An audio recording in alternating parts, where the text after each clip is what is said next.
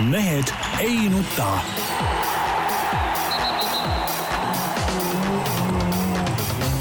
mehed ei nuta. selle eest, et mehed ei nutaks, kannab hoolt Unibet, mängijatelt mängijatele. tere teisipäeva, Mehed ei nuta nagu ikka, eetris kell on üksteist, Tarmo Paju Delfist, tervist! Peep Pahv Eesti Päevalehest ja Delfist, tervist! Jaan Martinson Eesti Päevalehest, Delfist ja igalt poolt mujalt. no mehed, midagi hingel ka teil on või? poliitikas, muus elus? ai no ükskõiksemaks jätab. ei no selles suhtes, et et Rootsis õiged jõud eh, said ikkagi jälle hääli juurde võrreldes eelmise korraga, et see on nagu, see on nagu hea ja, ja positiivne, aga muidugi südame ajas pahaks eilne välisilma saade, nagu ikka üritati nagu äh, vägisi nagu äh, ikkagi äh, teha neid kaotajateks ja, ja öeldi, et nende valijad on ikkagi rumalad valged mehed ja nii edasi, et kuulge vennad, ERR-is seal teete saateid, saage aru, valgete meeste peal see maailm üldse püsti seisabki. Ma ei tea, ma, ma vaatasin ka seda saadet, ma vaatasin, oota, oota, oota, ma vaatasin, ma vaatasin ka seda saadet, huvitav, kus sa nagu seda välja lugesid, et see igast asjast oli, kui küsimus on juba selles, kohe see saatejuht seal, noh, kas saab lugeda siis äh, demokraadid nüüd ikkagi kaotajateks, tead, no õnneks see äh, Rootsis oli äh, korrespondent muidugi lükkas selle ümber, aga no niisugune noh, see meelestatus kogu aeg, no muidugi see, see välisilma saate meelestatus üldse noh, on ju, ju tegelikult vildakas ja kallutatud, noh nagu üldse noh, nagu see nii-öelda peavoolumeedia on, mida, mida ei maksa poliituudiste suhtes ja eriti, mis puudutab ka välispoliitikat, ei maksa nagu tõsiselt võtta, eks ole. noh, on see kallutatud, ma lihtsalt nagu vaatan rohkem vahest kui nagu naljasaadet seda välisilma.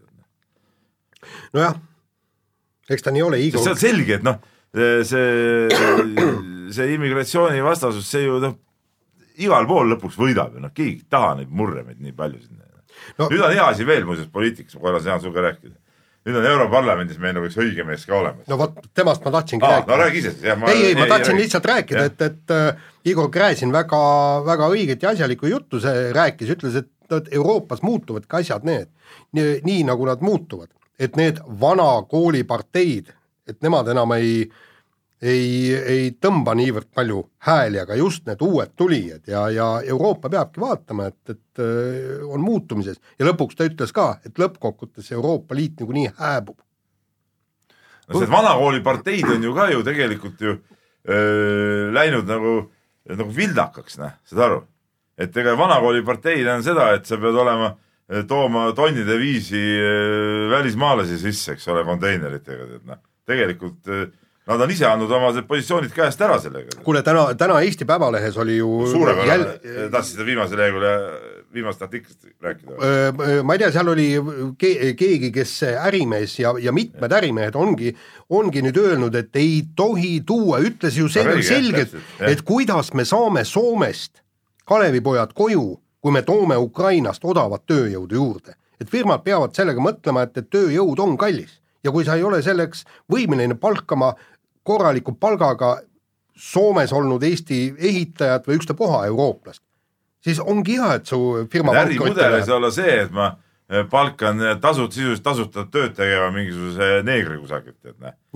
see ei saa olla ärimudel, ärimudel saab olla ikka see, et sa maksad töölisele normaalset palka, kui sa ei ole selleks võimeline, siis pane kurat kinni oma ärid, et noh. hakka ise labida ja kaevama huvitav, et te suudate vaimustuda siin äh, mingist äh, Euroopa Parlamendi ühe inimese muutmisest üldse, Euroopa Parlamendist ei no see on tore, kui sellisest, kui sellisest nagu ütleme nagu, nagu tühja, no ütleme, selline nagu tühja raha raiskamise nagu musternäidisest, selle nagu parlamendi kujul, kui sa mõtled, mis summasid ja kõiki nagu, millist aja raiskamist seal üldse nagu huvitav, et üldse vaimustuda suudad seda sellest. need poliitikud ju muidu välja ei näita, et see on totrus, nüüd on üks õige mees seal kohal, kes arvad, räägib, Gräzin räägib vähemalt asju nii, nagu asjad on ütleb, ütleb asjad välja. mis sa mõtled, see Kaja Kallas oleks kunagi öelnud mingit asja normaalselt välja? suss-muss, suss-muss, tead, lilled ja liblikad, eks ole, nalja teete või? aga mis sa arvad, et Igor Gräzinit äh, hirmsasti just äh, tüüris ja noh, teada oli, et ta tahtis sinna nagu see oli kinnisidee tal aastaid juba saada sinna, et see asjade väljaütlemise soov Euroopas oli see. kuidas asi see tegelikult on. no ei, mina küll ei usu. ta ei ole,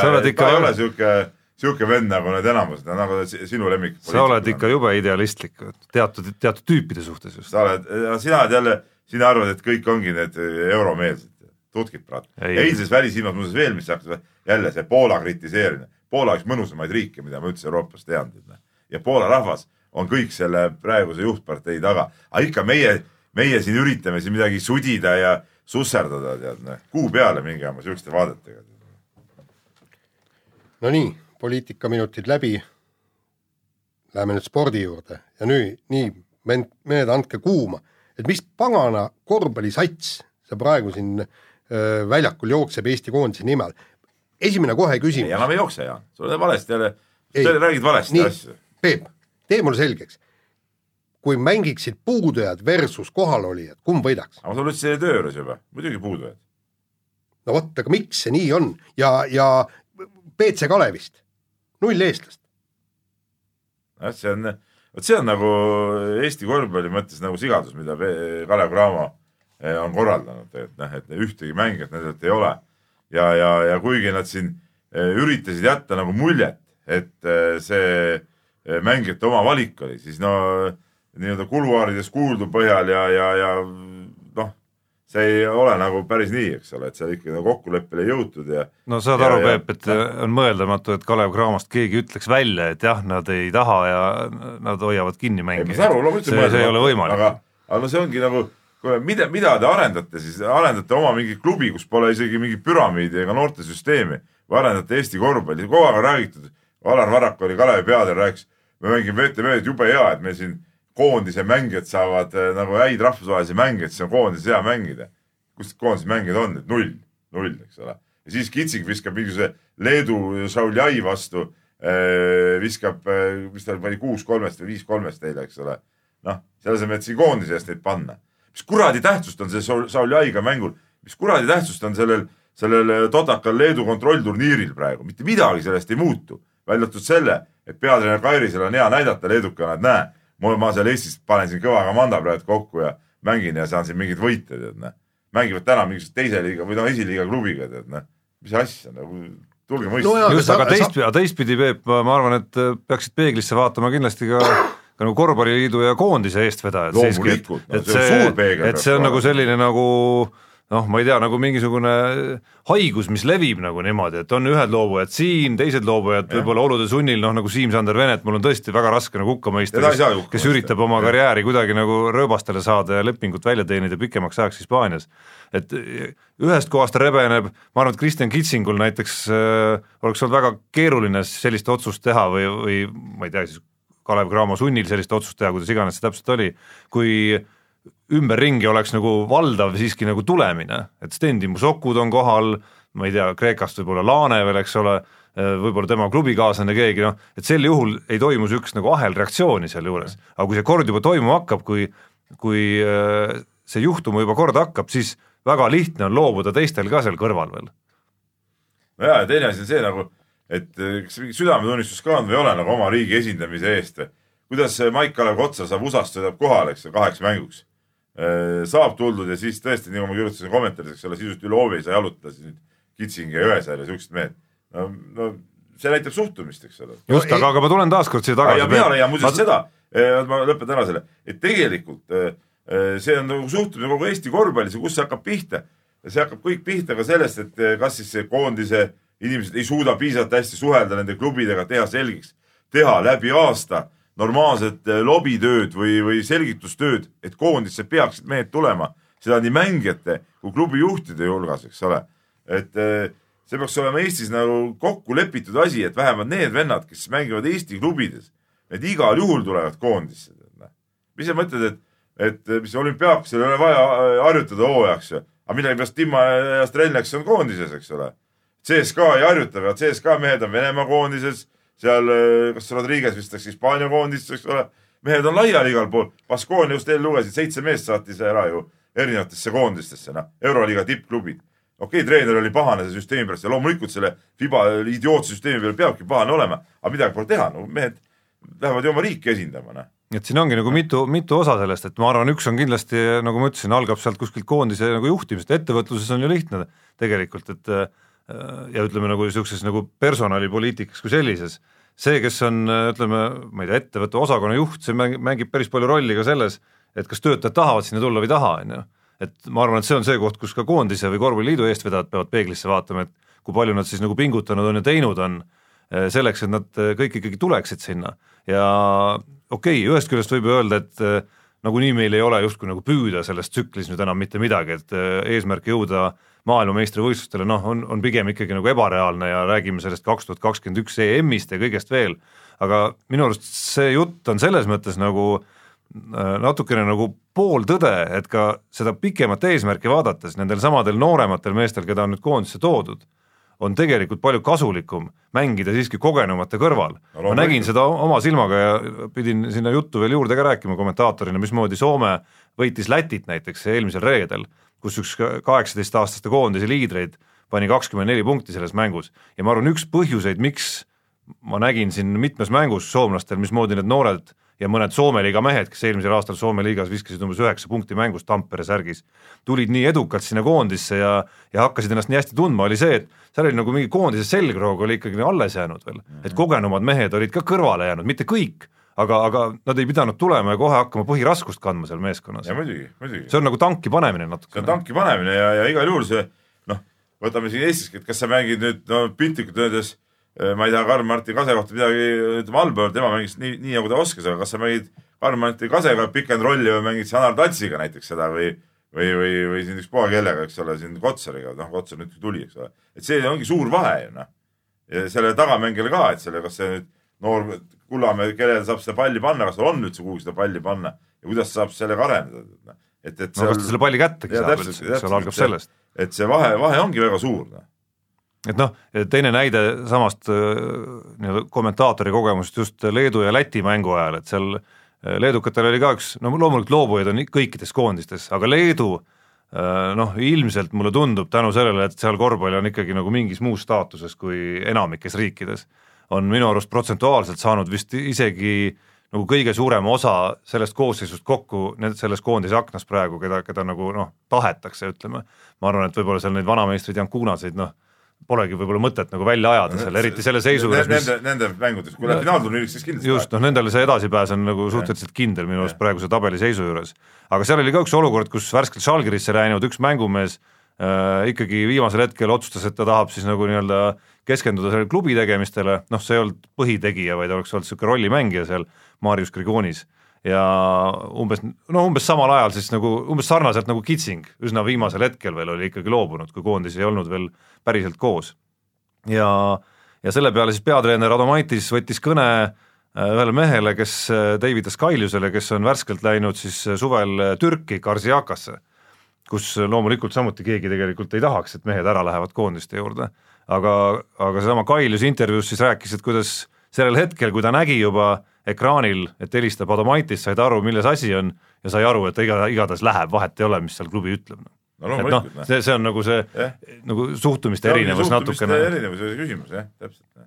muide, kiirelt korvpalli teema lõpetuseks, Eesti-Läti ühisliiga on olemas üldse loodud? veel ei ole, aga luuakse kuule, aga mängud peaks ju pihta hakkama. ei no, ei no noh, mis mõttes ei ole, no eks ta ei no juriidiliselt ei ole. juriidiliselt võib-olla ei ole, aga noh, sisuliselt on ta no, olemas. nojah, aga ütleme seda liigat kui sellist eh, veel ei ole, pole isegi klubidele minu teada, eile ma rääkisin ju klubiga, ütles, et eh, klubi eh, ei ole veel saanud liiga juhendit, et see on alles projekti kujul, aga no ma rääkisin ka eile Keijo Kuhiga, ta ütles ühe kuupäeva, ma ei hakka siis avalikkusse välja ütlema, sest see võib-olla ei ole avalik informatsioon, mis ajaks see saab ütleme, see liiga nagu siis ametlik väljakuulutamine on ja, ja noh, ma usun, et see ikka saab tehtud, kui see liiga ikka, ikka toimuma hakkab, et nii hull see asi vast ikka ei ole, aga aga eks uus värk ja see käivitamine kõik võtab aega ja, ja, ja ja ega ma ei tea, kuidas rahadega seal lood on.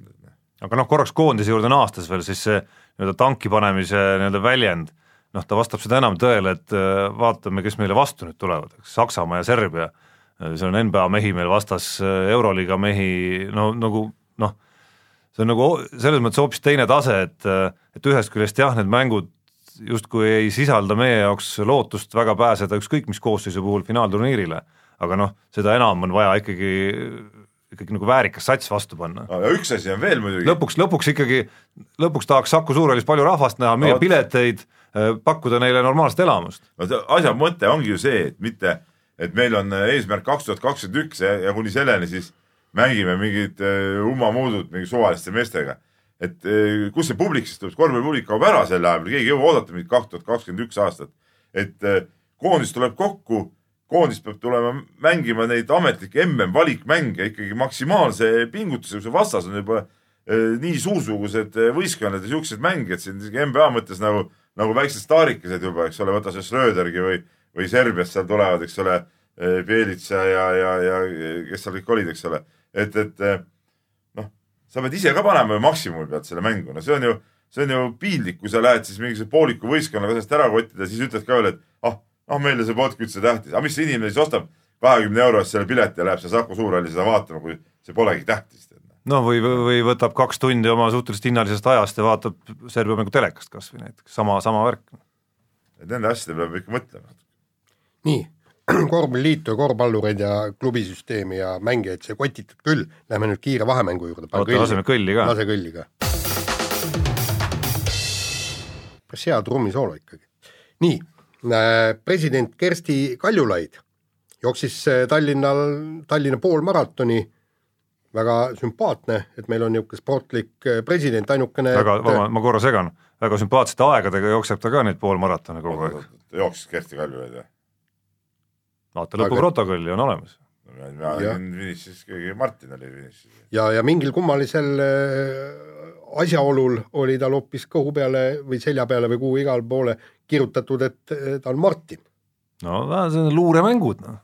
No tead, see kokku, see muidugi naljanumber tähendab mingi jutt mingi julgeoleku kaalutlustel mingite grupi vahetamisest ja sellest, sellega siis anti mingisugune number, eh, keda ei tulnud kohale, ma juba kujutasin ette, kuidas siis eh, presidendi mingisugused julgeolekuvennad on, olid selle kellegi päris Martini kuskil seal eh, kõrvaltänavas maha murdnud, hoidsid seda kinni, et ta ei saaks starti minna ja numbrit võtta ja siis, siis anti see number presidendile, et ei, ega üldse mitte keegi ei teadnud, et ta seal jookseb, et tuli varjata tema nii-öelda startimist ja, ja seda, seda gruppi, kus ta stardib ja see oli jube tähtis, no see on, see on loll. Peep, sa ei saa aru, no see on riiklik julgeolek. mis kuradi riiklik julgeolek, keda huvitab maailma mõistes mingisugune Eesti president, mis te nalja teete või noh, julgeoleku mõttes jube, jube tähtis on küll, tead noh no ütleme nüüd niimoodi. ta elab mingi vale Dmitri nime all seal oma Nõmme majas ka või?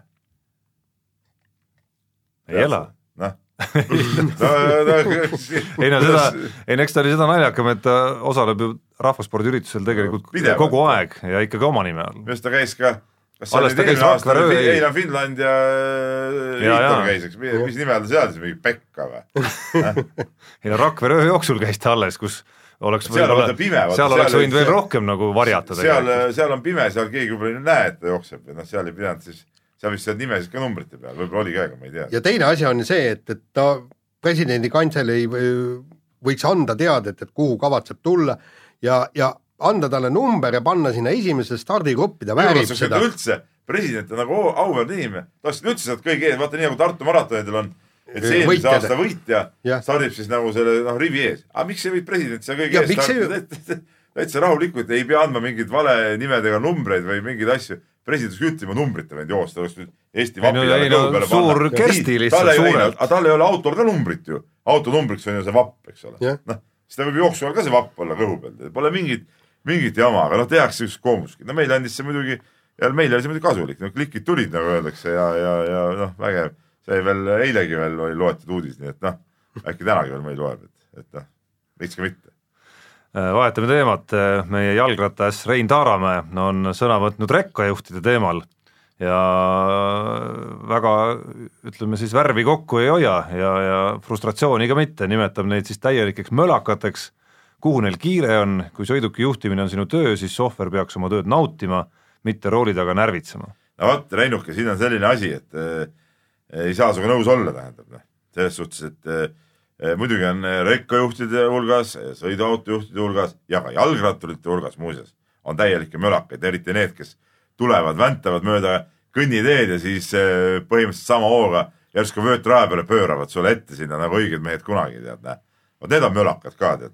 aga rekkamehel muidugi on kiire, temal on vaja teatud ajaks oma kaup punktist A punkti B viia ja, ja, ja see on kõik arusaadav, loomulikult see on ka närviline töö ja nendest peab ka aru saama, ma ei tea, mis, ma ei tea, mis konkreetne case oli, millest no, Te- no eks neid, eks neid bussi- ja rekkajuhte muidugi, kes ei nii-öelda bussi- tugevama õigusega, bussijuhid on muidugi lihtsalt- erilised soodad oma kes- peatusest välja pöörata. kes lihtsalt tugevama õigusega nii-öelda lihtsalt lähevad sinna, kuhu nad tahavad ma- minna, neid ikka on väga palju muidugi ka. ma ütlen, mis see rekkajuhtide probleem on jalgratturite arvates, et kui sõidetakse, siis äh, nad äh, sõidavad seal tõesti, selle jalgratturil tõesti niimoodi umbes külje sõidavad maha, muide omal ajal ju Janek Tombak isegi tõmmati maha kuskil nii-öelda rekkajuht või, või kastiga autojuht, selle kastiga tõmbas ta lõpuks pikali. et, et Hispaanias on reegel, auto, jalgratturist tuleb mööduda pooleteist meetri seitsekümmend vahepeal ei ole, väga pool. ei ole, poolteist on. Eestis ka ei, Eestis ma ei tea, Eestis aga ka mingi reegel, kindlasti on. nii, aga, aga seal on liiklusmärgid, seal on konkreetsed liiklusmärgid on kõik liiklusmärgil on jalgrattur ja siis joon üks koma viis meetrit ja siis auto oleks kõrval. ja seal on see karistatav, kui sa kui See sa ole- nii, ja teine jah. asi on see, et, et rekkajuht peaks ikkagi või paraku öö, aru saama, et jalgrattur on samasugune liikleja, kui on traktor, sõidab ees jalgratturi kiirusega, siis võetakse ju hoog maha. ei sõideta ju tagant otsa või ei tehta mingit Jaak, lollust. ma tean.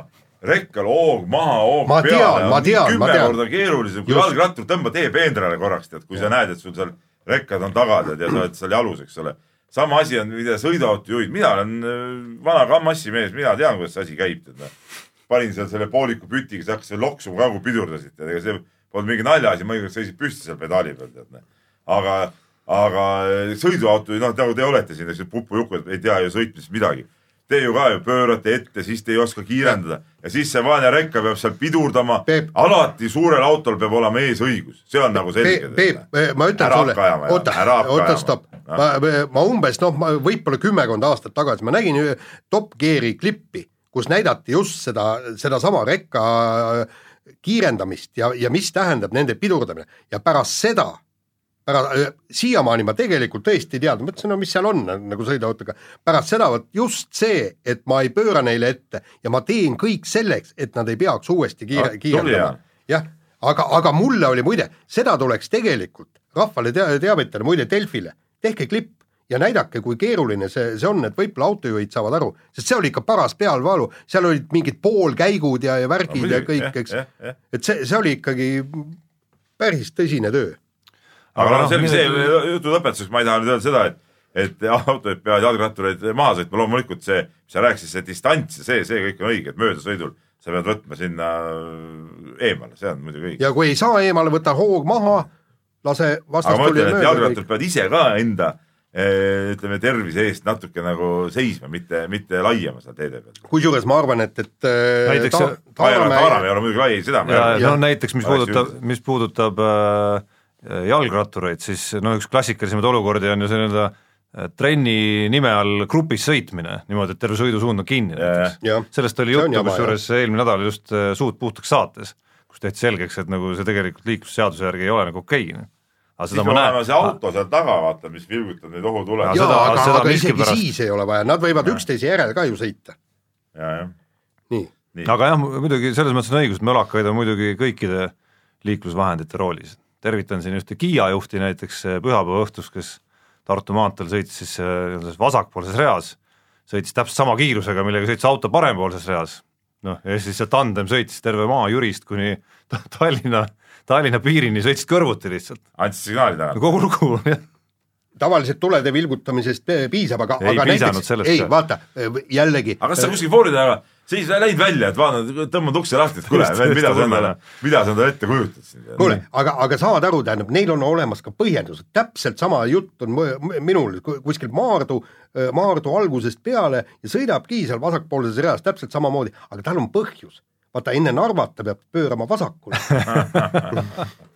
ja siis ta ei, võtab kusjuures temal ei olnud põhjust, ta sõitis äh, Peetrisse, sõitis otse ikkagi nagu linna sisse edasi, nii et tal ei Aga- olnud seda vabandust. aga muide, kunagi tõesti, no vot see on küll nüüd juba kakskümmend aastat tagasi, muide, võeti maha meil sealsamas Peterburi maanteel neid vasakpoolseid sõitjaid sellepärast, mis liiklusseadus ütleb, vasakpoolne rida on äh, möödasõidu ridu. jah, täpselt ja. ja võeti maha ja paluks politsei no,. see üritas ka mööda sõita, aga no ei saanud mööda, pressis, mis ta pressis. no ütleme, no võin vihjeks öelda, et kiirused ei olnud tegelikult väga suured kummalgi no, autol. aga ta oli tõmb-, ei tulnud rohkem peale, noh. väga ühtlaselt sõitsid. küüsid olid kinni. jah, täpselt, nii, lähme edasi, oleme aega rasinud kõvasti. EP naiskond siis äh, hakkas juba nii-öelda uue hooaja koondist välja selgitama, kogusid hooaja esimesed edetabelipunktid, kuid esialgu ei tea veel, mis nendega peale hakata, sest et selgeid reegleid eh, eh, ei ole vastu võetud, siis et kuidas koondised kokku pannakse, et noh, nagu sa ütled no,, ta... vana, vana laul eh, jätkub nagu, nagu samas rütmis nagu edasi. no aga tark ei torma, noh ei, seda muidugi. las koguvad punkte siis vaatame, kuidas seisud on. ja siis selle järgi saab vaadata, mis reegleid teha. nagu öeldakse. aga ütleme niimoodi, et ma käisin Haapsalus Eesti karikavõistlusi vaatamas ja seal oli ikka ilkumist esiteks ja teiseks muidugi pahandamist oli ääretult palju.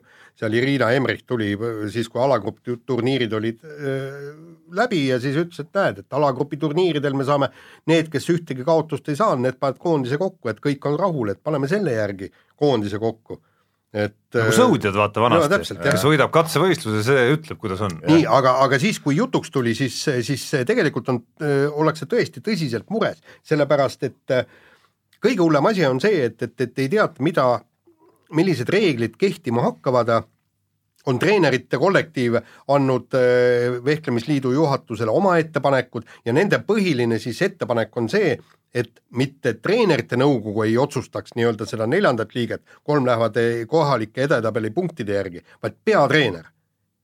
ja, ja temaga vastutab. ja kui nüüd juhatus hakkab seda muutma, siis tähendab sellega ta umbusaldab kohe ka peatreenerit, mis tähendab seda, et võistkond jääb kohe peatreenerite vahetult enne tiitlivõistlusi. See on selge, samas Erika Kipp pakkus välja, et võib-olla hoopis maailma edetabeli järgi Äh, koondis kokku panna, kuna meie võistleme maailma vastu. aga noh, seal on ka omad, omad teatud nüansid, teatud probleemid, aga keegi ei tea, kas on, süsteem on kolm pluss üks või ei ole, sellepärast et vehklemisliidu juhatus peab selle kinnitama. aga punkte juba kogutakse, nüüd minnakse, aga kusjuures see on ikkagi, naistel on ikkagi tõsine andmine. kõik olid kohal Haapsalus peaaegu kõik, kõik välja arvatud Erika Kirpu lähevad äh, Stockholmi satelliitturniirile, kuna sealt saab punkte koguda seal on kolm satelliitturniiri, millest kahepunktid lähevad arvesse, on meil nagu juhendis olemas, et, et seal ikka käib tõsine andmine. oleks meil oleks mõni muu spordiala veel, kus, kus kõik absoluutselt tipud on kogu aeg ka nendel väikestel võistlustel kohal. ja, ja, ja ütleme niimoodi, et, et ja, ja, ja, ja, ja kuuele või neljale kohale pretendeerib reaalselt kuus naist, kuus naist. oleks korvpalliliidu, vabandust, korvpallikoondise põhiviisikusse ka selline konkurents. konkurents jah, vot kus edasi viib jõud ja kõik oleks kohal kõik nagu viis kopikat. ja, ja kusjuures veel seal noh, viimasena ütlen, et, et eh, seal olid ka noored vehklejad, kõik eh, tulid sinna võistlustele ja, ja küsisin, et, et kuidas teil tulevik on ja siis hakati näpuga näitama, et vot see on, tüdruk on päris hea, kuule, sellest võib midagi tulla, see on. ja nagu selgus, läks riburada pidi sinna mingi neljateistaastatini välja. Et tegelikult ütlesid, et naiste vehklemises on tulijaid ka veel kõvasti, et, et, et eh, noh, tundub, et asi on helge nii. nii, aga järgmine teema ja Ferrari loobub Kimi Räikkönenist selleks, et äh, kahekümneaastane Monaco elanik võtta endal tiimi. aga ma nüüd sekkun, ma eile lugesin õhtul mingit uudist, et, et see võib juhtub alles aasta hiljem, et järgmine hooaeg saab sõita. No see oleks küll hea, aga siiamaani oli vähemalt küllaltki selge ja Kimi Räikkönen eile õhtul nagu ma nägin mingit uudist sel teemal, et, et võib, võib asi muutuda veel täna hommikul isegi, ma ei mäleta. see oli eile õhtul, ma nägin seda ka, aga see oli selline üsna mitteametlik ikkagi. mitteametlik jah, aga noh, et äh, variandid on nagu olemas, no loomulikult oleks Raikoneni et äh, ma vaatan kaksteist minutit kahju. tagasi, vabandust, kaksteist minutit tagasi on BBC siiski teatanud, et et Raikonen lahkub Ferrarist selle hooaja lõpus.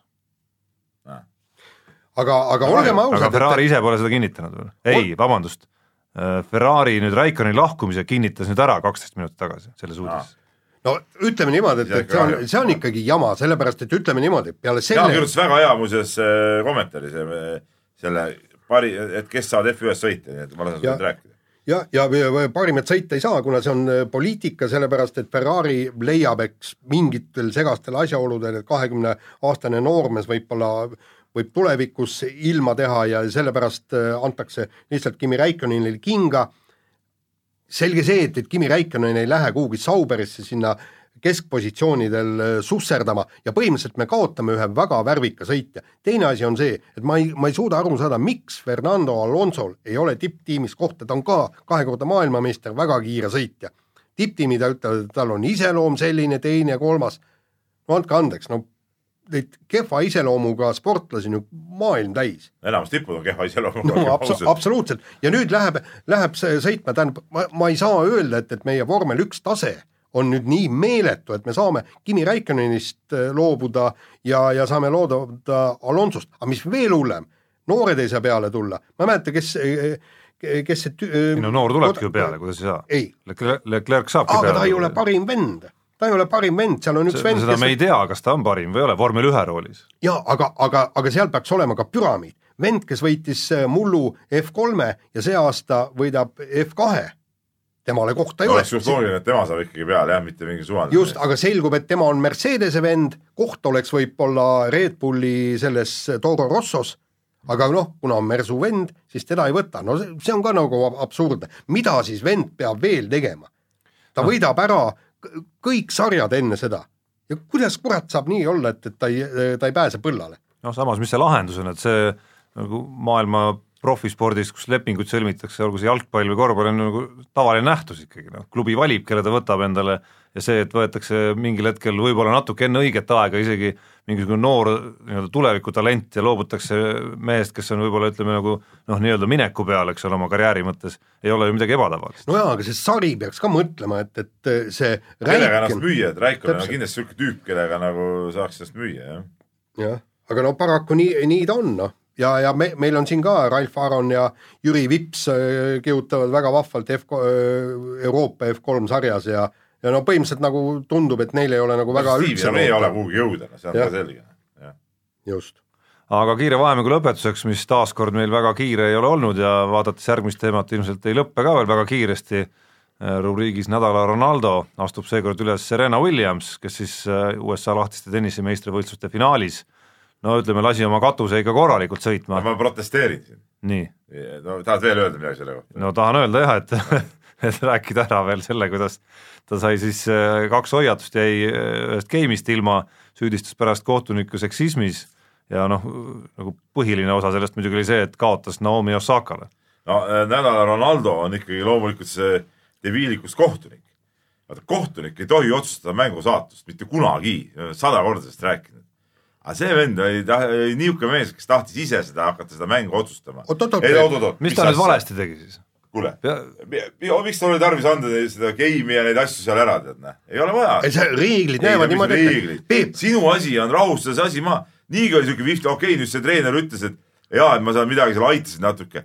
aga no kuule, mis hakata sellepärast, et seal mingit lamenti lööma oot Peep. jaa, aga see, kellel, see, kelle katus ikka rohkem sõitis, Peep, oli ikkagi Serena Williams ise. loomulikult siis kohtunik pani ju kääranda seal talle ju. sul ei oleks katus sõitma hakanud, nad öelda või? Peep, kuule. ma ei oska öelda. ainuke asi, ainuke asi, millal ta katus sõitis Serena, oli see, kui ta hakkas rääkima mingist seksismist, see on muidugi debiilne jutt. ma arvan, ma arvan. aga see mänguline olukord seal ei olnud midagi rääkida. ma ei ole, oota aga. rikkus ära selle mängu oota. ja siin on, see teema on absoluutselt oota. sellega lõpetatud. Peep, tee mulle nüüd selgeks. Tähendab, võtame nüüd seda Naomi Osaka poolt tema mängib reeglite järgi, teda treener ei õpeta. mis loll reegel see on, et treener ei tohi õpetada? ei, kas ei, re-. see on mingi absurdne reegel iseenesest. Peep, aga sa mõtle. kuidas seda kindlaks teed üldse?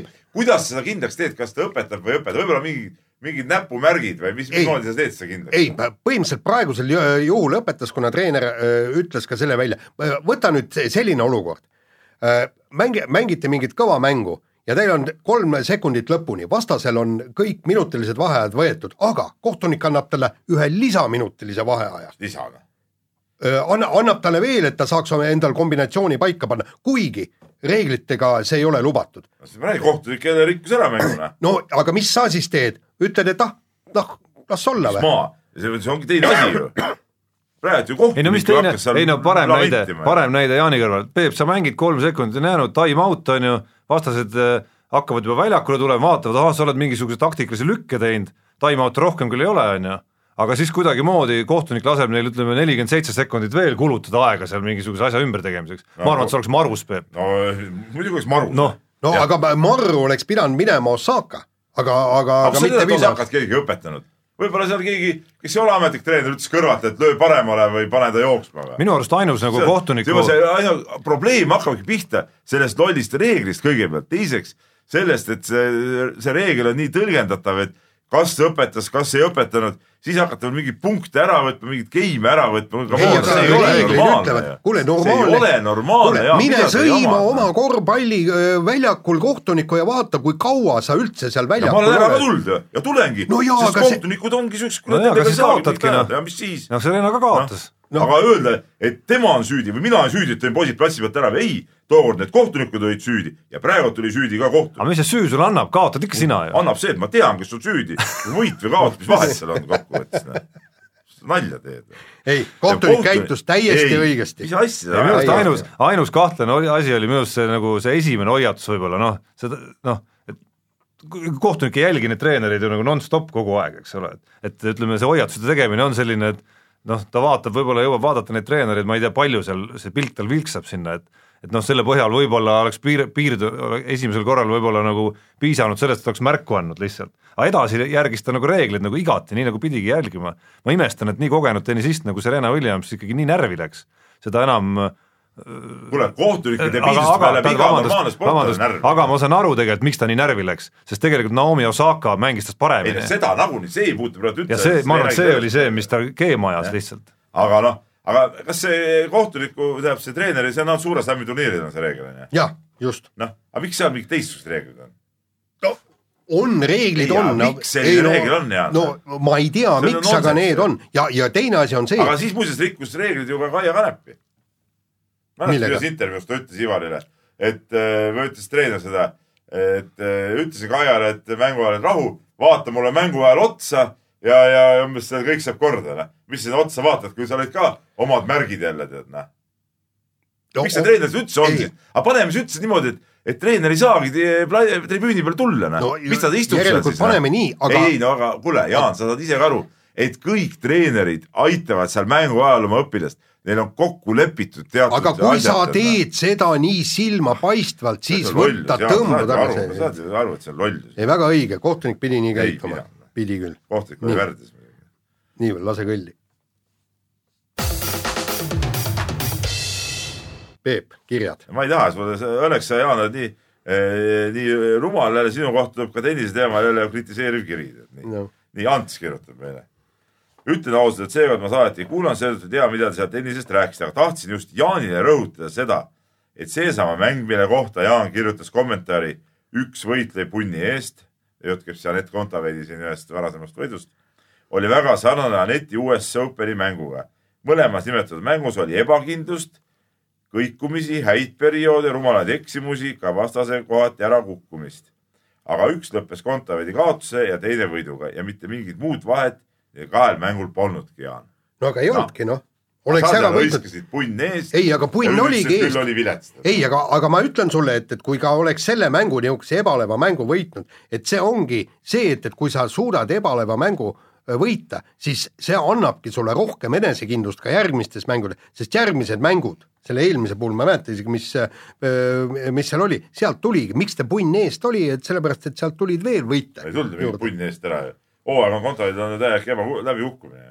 No ei ole väga täielik läbikukkumine no,, kehv, kehv. suure slam'i turniiridel, mis need kohad on tal olnud siis, mitmed ringid? no, no põhimõtteliselt, mis eelmise aastaga võrreldes, ta eelmine aasta ei saanud US Openist esimesest no, ringist. aga siis ongi ju, see on nagu võrkpalluritel pole arengut, pole kontoridil sellest arengut no, mis punn eest ära no ütleme niimoodi, et, et seal on jah, teatud küsimused no, selle uue, uue treeneri kohta. kuhu see punn lendas siis? no ma ei tea, minema. nii, Kalmer kirjutab meile tere mehed, selgitage, miks on korvpallikoondisel enne valikmänge alati vaja pidada mingeid kontrollturniire või lihtsalt mänge? Pole imestada, et klubid ei soovi mängijaid koondisse lasta, kui need koondise aknad venivad kahe nädala pikkuseks. jalgpallis, kus koondise aknad on nädalased, paistab süsteem toimivat ja koondisse tulevad üldiselt riikide parimad mängijad. et no üldse siukseid testmänge siis peetakse nii-öelda koondise hooaja välistel aegadel, kui jalgpallurid käivad siin Aasias ja Okeaanias, et miks miks korvpallurid ei või sel ajal mängida oma neid kontrollmänge. mitte ainult, kusjuures osasid sõprusmänge mängitakse ka ametlikes akendades kusjuures. noh, ja nüüd tehti süsteem jalgpallis ju hoopis ringi tänu sellele rahvuste, mis ta liiga siis, eks ole. rahvuste liiga, seal mängivad ka äh, sõprusmänge seal sees. just, noh, et, see et noh, tegelikult see mõnes mõttes õige küsimus, noh, mõnes mõttes õige küsimus. miks jalkamehed saavad nii teha ja kossumehed ei saa? okei okay,, ma saan aru muidugi, praegu on mänginud kontrollmänge sellepärast, et on hooaja, kahe hooaja vaheline aeg olnud. et no, kui nüüd tuleb äh, novembris see aken, et noh, siis nad muidugi neid kontrollmänge ei mängi ka. aga paljud klubid lasidki mängijad ära alles, äh, alles loetud päevad enne. jaa, aga vaata, Tarmo, ametlik aken hakkaski alles esmaspäevast ju no. et see, et meil siin räägiti mingist pikast aknast, niisugust asja polnud üldse olemaski tegelikult. mina sain nii aru, et ametlik aken hakkaski esmaspäeval. hakkas, hakkas. et päris paljudes koondistes mehed ikkagi, eriti Hispaania klubidest näiteks, mehed tulidki ikkagi kolm päeva enne kohale alles. või neli äärmisel juhul. nii, eh, Kaido kirjutab siin jutt ka veel korvpallist ja päris õige tähelepanek, millest me siin korraga rääkisime juba. kuna see nädal on taas aktuaalne korvpalli MM valiksari, küsiks juba vana, aga natuke tigedaks tegeva teema kohta. mis te arvate, kas Korvpalliliidu poolt kehtestatud piletihinnad on üheks põhjuseks, miks viimasel ajal Saku hallis isegi teist korrust enam ei avata?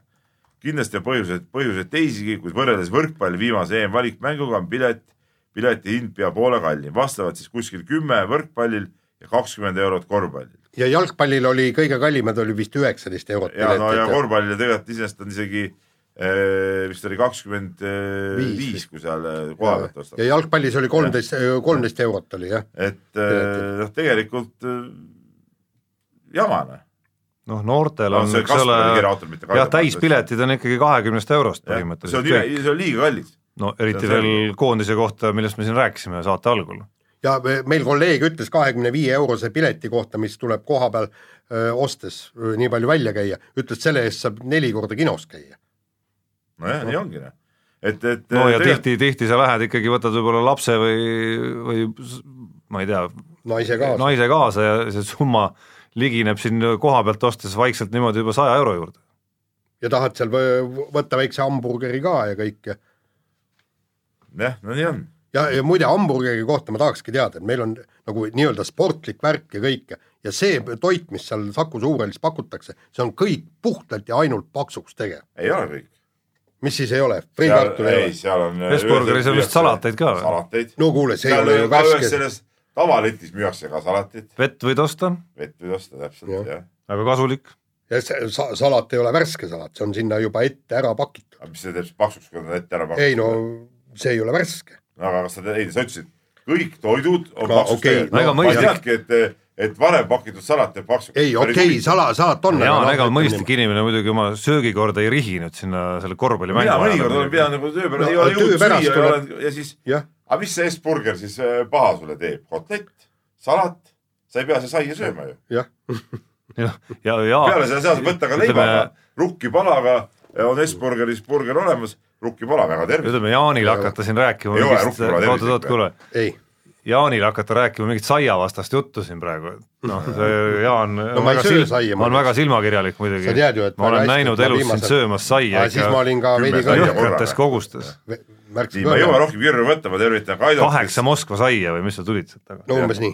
tervitan Kaidot, kes kiitis muidugi mind ja tervitas suurepärase eh, adekvaatse maailmavaateliste seisukohtade eest eh, ja nii edasi, nii edasi. ja muid huvitavaid asju oli veel, aga kell on tõesti nii palju, et me ei jõua neid edasi enam võtta, et lähme siin teemade peale. nii, anname kuuma, jalgpall, Eesti kaotas Kreekale rahvuste liigas null-üks ja täna Soomega. ja täna on Soomega.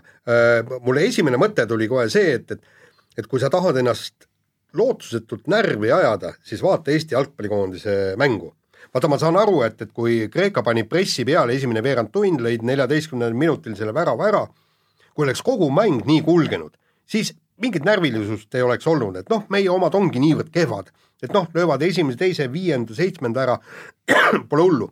aga siis, kui me saame mängust kinni, me umbes nelikümmend viis minutit kaotusseisus ma juhin tähelepanu, et, et see ongi see jama, ma katkestan su mõtte muidugi ära praegu, et, et pärast tagantjärele sa ei saa kunagi teada, kas see, et Eesti nagu suht okei okay mängu pärast seda kaotusseisu jäämist näitas, kas see tuli sellest, et me jäime kaotusseisu ja Kreeka lasi sellel juhtuda või Peep, on seal Eesti headuses ka küsimus? Kreeka on mänginud ju kogu aeg ühe skeemi järgi, lööb ühe ära, ongi kõik. ja kõik rohkem ei ole vaja ja Nii. neid ei olegi vaja. korra tegi söömas lõid posti, aga rohkem nad ju eriti ei üritanudki. ei, ei nõus, aga ja. närvi ajab. Eestil ei olnud ju reaalselt väravahõngu ju ei olnud. ja vot see ajabki no. närvi, et mis, sa mis, hoiad palli. ei. palli sa... veeretada võib igaüks. just, aga vot see ongi. mis siin närvi minna, meil pole kvaliteeti ju no aga see ajabki närvi, et sa hoiad palli, keerutad seda palli ja väravamomenti ei ole. ja siis, kui mõni, mõni moment tuleb, siis ka noh, ütleme see Vassiljevi eh, löögist tagasi põrkunud pall, meie vend oli seal kuskil viis meetrit jällegi eh, kaitsest tagapool, eks ju. Kui pealelöök tuleb, noh, tulebki värava ette tsooni tulla, ei, me magame seal kuskil taga, nokime nina või ma ei tea, mis me seal teeme. Ja, ja, ja see ajabki närvi, no kuidas nad ei saa tekitada isegi momente, vot see ajab närvi. No paraku see Eesti jalgpalli seis on praegu nagu ta on, et, et no eriti kui veel päris paar päris olulist, noh. eriti kui päris paar olulist meest ka nagu puudu veel on, mis seal salata, et et no ma ei tea pallimängu peale võrkpalli, mis saaks endale lubada endale noh, selliste masti meeste nagu Eesti jalgpallikoondise jaoks oleks Mattias Käit ja Ragnar Klavan puudumist. nojah, aga vot siin ongi see vahe, et need ei ole nagu Äh, loobumised, vaid need on nagu vigastusest tingitud puudumised, eks ole, et, et, kõik aru saaksid sellest, et, et see ei ole sama, mis korvpallurite puudumine. ja ikkagi ma, ma, ma tahaksin meie jalgpalli, jalgpalli asjatundjatelt analüüsi, et mille taha see jääb, et meil ei tõesti ei tule neid ründajaid, me ei, me ei suuda tekitada olukordi ja kas see tuleb siis sellest noorte jalgpallist, kust me ei kasvata isiksusi, seda on noh, nagu väidetud, või mille taga see püsib isegi Island suudab lüüa väravaid, kuigi said no, nüüd null kuus. null kuus. said. ei no jaa, aga kuule, kuule, kui, kui nad, kui nad võidavad MM-i valik, valikalagrupi, siis järelikult nad sellest räägid? Okei okay,. Need on uued laulud ja lood. jaa, kõik on õige, aga neil on vähemalt olnud, meil ei ole viimasel ajal ei ole olnud äh, mängijaid, kes suudavad järjepidevalt ja selgelt väravaid lüüa. Vassiljev oli viimane. olid äh, nagu need mehed, kes väravaid no Vassiljev ka viimane no,. ja kus on noored? noh, käit võiks see olla, aga kui ta käit vigastatud on, siis ta on vigastatud. aga me ei tea. ja, ja teine asi on see, et me nüüd, et me nüüd mõnda aega ei ole näinud ka, et kas, kas sealt tuleb või ei tule. vahetame teemat, Ott Tänak, Türgi ralli, täispunktide jahile. homme, homme asun teele Türgimaa poole, vaatasin, Ott oli, oli Martin Järve oli pannud eile õhtu üles pildi kraadiklaasist, kus oli kolmkümmend kuus kraadi vist õhtul kell seitse või et, et eh, eks see üks kuum, kuum ralli tuleb ja, ja, ja kuidas see minema hakkab, see on üks, ma arvan, see on selle hooaja jaoks ettearvamatuim eh, ralli, sest keegi tegelikult ei tea, mis seal täpselt eh, olema hakkab. ja aga kõige hullem on see Toyotale, sellepärast et me mäletame Mehhikut, kus see suur kuumus tegi Toyota autodele. jah, aga sellest nad olid saanud ikkagi nagu jagu. muide, kui sa, kui, kui sa lugesid enne Mehhiko rallit Mägineni ehk siis Toyota tiimibossi kommentaare, siis sealgi öeldi, et me oleme saanud äh, probleemidest jagu, et meil on spetsiaalselt välja töötatud äh, mootor äh, kõrguste jaoks ja kõik nii. Ja siis, kui hakati sõitma, selgus, et muhvigi, ikkagi vanad probleemid alles no kas kaks korda arvad, et astutakse sama reha otsa? pärast näiteks äh, Sardiinia kuumuses ei olnud ju mootoriga selles suhtes probleemi. saab näha, ütleme niimoodi, et, et aga noh, selge see, et seal, et ta on igal juhul ettearvamatu, seda enam, et Toyota sõidab selle vana mootoriga, eks ole, mis noh, see ei ole nüüd jälle nii, et see mingi kehva värk on, eks ole mm.. aga, aga tervikuna ma ütlen, kogu see ralli on ettearvamatu juba sellepärast, et seal on väga halvad teed. Seal võib väga palju see sihuke juhuslikud kivid võivad hakata väga suurt rolli mängima, mis lõhuvad lihtsalt autosid ära. ilma, et seal sõitjatel väga suurt, endal väga suurt rolli selles oleks, et, et, et, et sealt... juhuslikkuse faktor on seal väga-väga-väga kõrge ja tegemist on kindlasti ka suhteliselt aeglase ralliga, noh seda on, seda on ka Ott Tänak ise öelnud, eks ole. ja, ja see muudab jälle omakorda kõik see nikerdamine ja see muudab, muudab veel keerulisemaks ja ettearvamatumaks selle. Mis tähendab, et äh, väga suured šansid on, et sealt tuleb täielik jackpot või täielik katastroof. noh, võib tulla ka nii, et tuleb ne rõõba nii mässa, nagu öeldakse, aga, aga, aga selge see, et, et oma olemuselt see ei ole selline ralli võib-olla, mis, kus Ott peaks olema teistest peaaegu üle. ütleme niimoodi, et, et kindlasti, kes peaks noh, okei okay,, mitte võib-olla hullu panema, aga kes peaks kindlasti esikohale sõitma, on Sebastian Ogier. see on punkt ük-, selge. Kui ta tahab maailmameistriks tulla, siis ta peab olema Türgis kiire. välja arvatud juhul muidugi, kui Neuvill seal midagi ära ei käkerda, aga, aga ikkagi. nii. ja vot siin nüüd ongi see, et, et kui Tänak nagu mõistlikult sõidab, korralikult rehve säästab ja on nii-öelda jälgimispositsioonil kogu aeg, siis võib seal tõesti ees nagu juhtuda. et, et minu meelest ei ole võist-, mõistlik hakata kohe algusest peale hullu panema ja ma loodan väga, et Ogier hakkab. no ütleme algusest peale hullu panna nii Ožeel, Neuvillil kui Tänakul ongi väga keeruline, sest tegemist on esiteks kruusaralli, kus on palju lahtist eh, asja peal. Nad stardivad esimesel päeval ees, nad on puhtalt teepuhastajad, neil on väga raske seal hullu panna. Peep, ma mõtlen enda kohta hullu, mitte võrreldes ta, tagumistega, vaid enda kohta, sest ne, nemad võistlevad teises liigas. või tähendab, nemad võistlevad kõrgliigas, kõik Jaa, teised on... küll, aga see kõrgliigas võistlemine tähendab ikkagi seda, sa pead teistega arvestama, kui palju sinu ja ütleme, su teise kõrgliiga mehe vahele mahub neid äh, tavalisi vendi, et seal on ka see, et see, sa ei saa muidugi esimesel päeval liiga ütleme palju ka ära anda, et siis su see stardikoht ka teiseks päevaks eh, muutub suhteliselt eh, kehvaks võrreldes mõne konkurendiga. et seal on väga huvitav ralli tuleb ja, ja, ja, ja, ja ma ootan eh, ausalt öeldes päris suure põnevusega seekord seda sinna minekut. jah, hoiame pöialt. hoiame, hoiame täiega pöialt.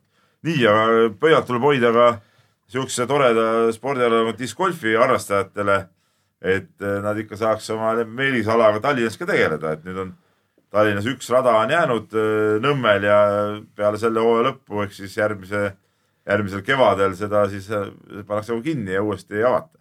tähendab, ma ütleks niimoodi. nagu rohelised suured looduskaitses ütlevad, et nagu täksitakse puid ära ja ja ma ei tea, tallatakse samblikku või? kuule, vaata, vaata siin mul tekibki nüüd äh, üks küsimus nii, nii selle Tallinna linnavõimu kohta, mis on Keskerakonna käes, pluss roheliste kohta, kes, äh, kes nagu äh, kaasa aitavad kõigele sellele.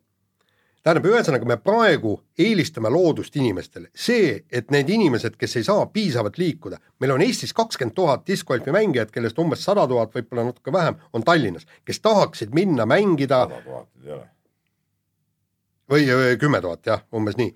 et ühesõnaga, kes tahaks oma tervist parandada, me tahame ju kõik, et inimesed liikuma saada. nii, ja nüüd ütleme, et need kolm-neli ja okei okay,, kümme, kakskümmend, kolmkümmend täksitud puud on olulisemad kui need inimesed. No sinna puudele saab ju panna ümber võrgud, on ju olemas puude. ei no Keilas on, no mina, ma käin ka natuke mängimas, ma olen muidugi suht passiivne mängija, võib-olla paar korda kuus või kuidas noh, pärast aega on. aga käisin just nüüd äh, pühapäeval käisin Keilas mängimas ja seal on ka paar kohta, kus on, on puu on hästi lähedal ja seal on pandud see laudis on nagu ette pandud, eks ole. aga on ka muidugi neid kohti, kus ei ole midagi ja noh, jah, tulevad need täkked sinna puu peale, no mis, mis nüüd on siis, no mets on ju puid täis seal, noh. No mitte midagi sellest ei juhtu.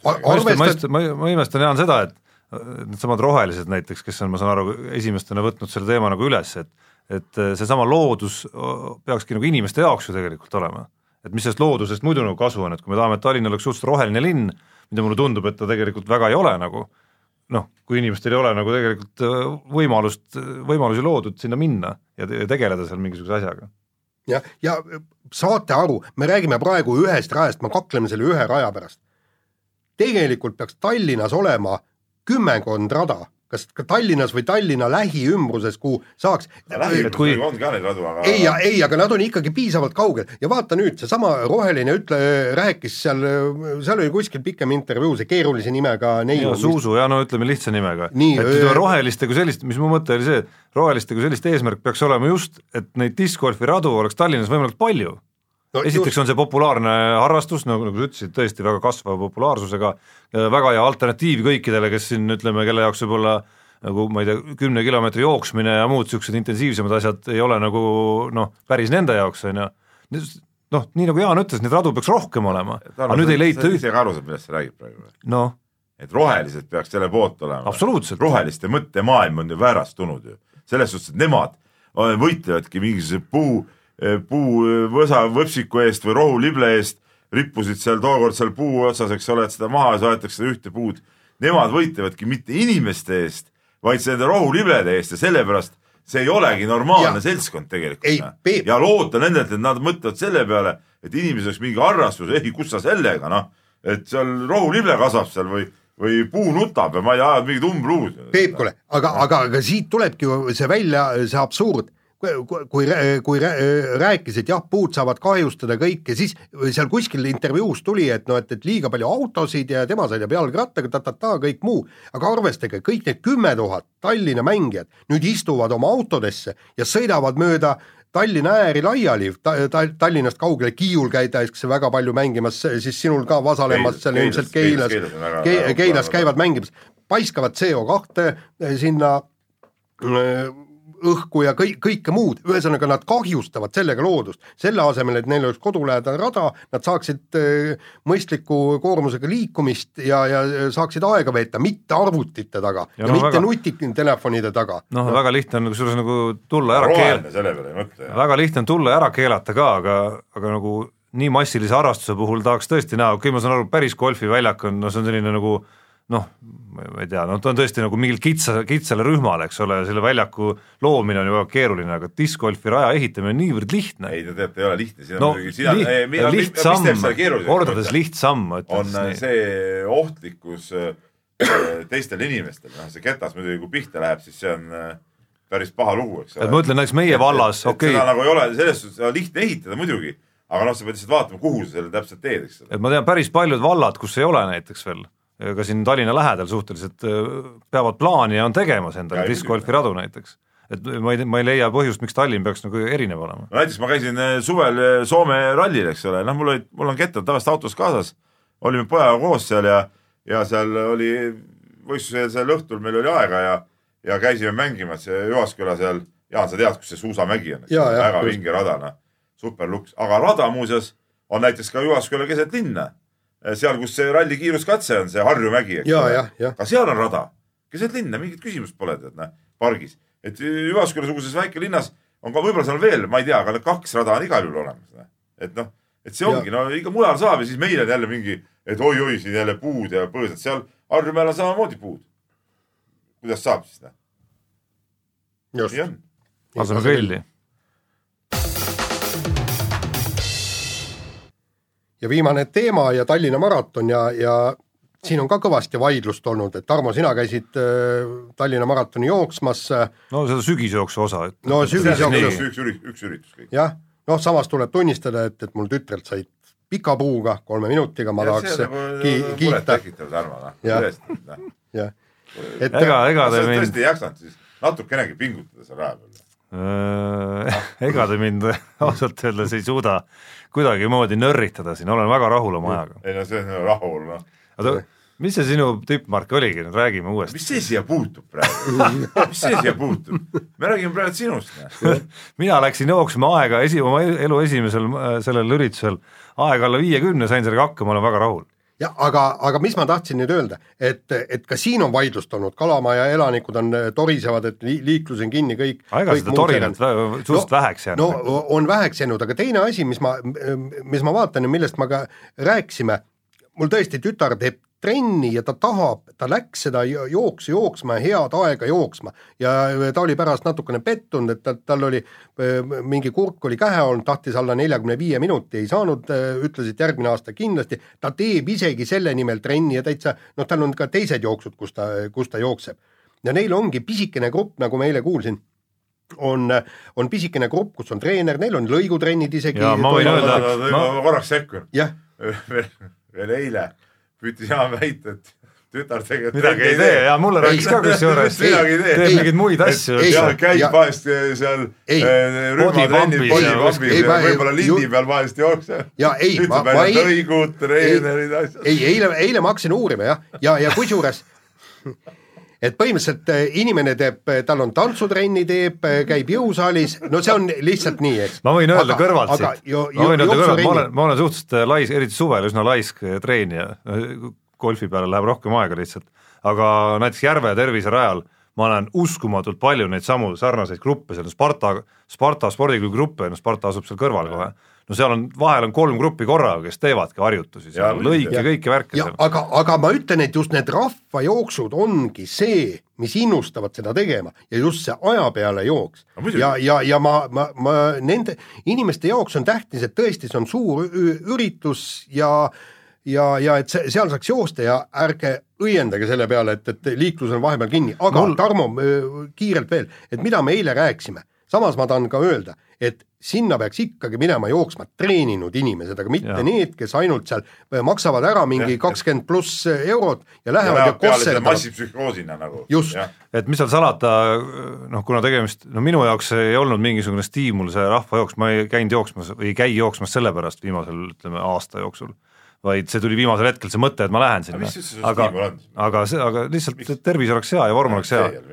mõte, no ma arvan, ma arvan, et see on päris hea Ees. mõte iseenesest, aga see selleks praegu, et äh, et üks, üks asi oli jah see, et, et neid äh, ma startisin kuskil viie tuhande numbriga, ehk siis mul läks viis minutit üldse aega, et jõuda äh, ehk siis stardijooneni mis tähendas, et umbes nelja tuhandest inimesest pidid ma mööda uhama sealt kuidagimoodi. ja isegi veel suht nagu distantsi keskosas ma kohtasin päris palju inimesi, kes ikkagi kõndisid seal. distantsi alguses oli neid seal eesstartijatest ka veel päris palju. et, et noh, nende koht võib-olla võiks seal tagapool olla, aga see selleks, hea, et nad vähemalt liiguvad natukene ja endale liiga ei tee seal teistpidi jällegi, et neid, kes nagu sodiks ennast jooksevad, ma arvan, et see on palju ohtlikum tendents, et kes seal nagu teistpidi üle võlli lähevad ja, ja, ja tahavad. Neid rahvajooksudest ma nägin küll neid no ja just, tahavad seal, tahavad seal viiekümneselt veel nagu tippsportlase trenni teha, et ma arvan, et see on kindlasti palju ohtlikum kui see, et et seal tõesti jäävad jalgu võib-olla mõned, kes jalutavad. aga üks asi, millele eh, minu arust Mati Lillehallik juhtis siin eh, ühes intervjuus ka tähelepanu, et äh, ega need, need marsruudid, mis seal praegu on valitud, iseenesest on väga ägedad teed muidugi, sa ei satu loomulikult kunagi jooksma sinna, aga need jäävadki tegelikult selliste masside jaoks kitsaks, et, et sama Kopli tänav näiteks seal Äh, see, mismoodi sinna Kopli tänavale jõuda, sealt Balti jaama juurde, need on väga kitsad teed seal, et sellise massi läbilaskmiseks, no see, see oli ikka paras nii-öelda nagu puntras nii-öelda nagu mässlemine seal natukene, et et päris keeruline, päris keeruline, noh kindlasti tahaks ju seda osalejate arvu hoida veel, võib-olla kasvatadagi veel, aga, aga väga raske nende teede peal seda teha. said sa aru, see oli nüüd põhjendus, miks ta aeg? ei, üldse mitte. resultaat oli oli nagu lahjem, kui me siin nagu ütleme, eeldasime. ei, sa nüüd paned sõnu mulle suhu, ma olen oma ajaga väga rahul. ei, ma ütlesin Jaanile praegu, et said ja, aru, et see nüüd üldse mitte. aga igal juhul äh, Mati Lillialikule jõudu ja, ja tõesti, organiseerige ägedaid üritusi ja tooge need rahvas äh, jooksurajale, aga see seltskond, kes jooksurajale tuleb, tehke ka enne trenni, mitte see, et, et pärast kolme kilomeetrit te olete juba sussid ja hakkate kõnd-, kõndima ja kõmpima. aga Eestis on tegelikult ikkagi neid üritusi on nagu minu arust piisavalt ja ja päris häid üritusi, võtta see Tartu, noh nüüd vanasti oli nelikümmend, nüüd ta juba mingisugune kuubik, eks ole. nüüd see nädalavahetus minu arust, kui ma õieti mäletan, on see rattasõit, see maastikurattasõit ja ja, ja neid igast rattasarju, jooksusarju, orienteerumist, teisipäevakud, neljapäevakud, ma ei tea, mis päevakud veel. Neid asju on, õnneks on Eestis palju ja, ja just ma, mina olen ka seda meelt, et just need, need võistlused või mis, noh, sa ei pea seal ju panema, ma ei tea, nina, veri ninast väljas, eks ole, aga ikka see võistlusmoment aitabki nagu kaasa sellele, et, et sa üldse liigud, näiteks mul mingid sõbrad ka käivad orienteerumist, võib-olla muul ajal ei viitsigi väga jooksmas käia, mängib ka näiteks discgolfi seal üks vend, aga käib orienteerumises neljapäevakuti, jookseb seal ja nüüd põrutas maratoni siin nelja tunniga või alla, alla nelja tunni isegi. orienteerumine on väga kihvt spordiala. no ei, mis seal salata, et ma kergelt nagu sellist äh, nakkust tunnetan, et korra juba käid ära, siis hakkad mõtlema, et kuidas järgmine aasta natuke paremini joosta no omal ajal sai ka käidud. nii see haigus, ma kardan, karta on, et see haigus. muidugi nagu sa mäletad, kui me kümnevõistlust omal ajal tegime, mõtlesime, et nüüd hakkame trenni tegema, tavaliselt muidugi noh. kõik mehed lubasid. järgmine aasta olid täpselt samas seisus või veel hullemas seisus seal võistluse lõpus. nii, aga elagu rahvasport ja sellega lõpetame saate. kuulake meid täpselt nädala pärast. head aega. mehed ei nuta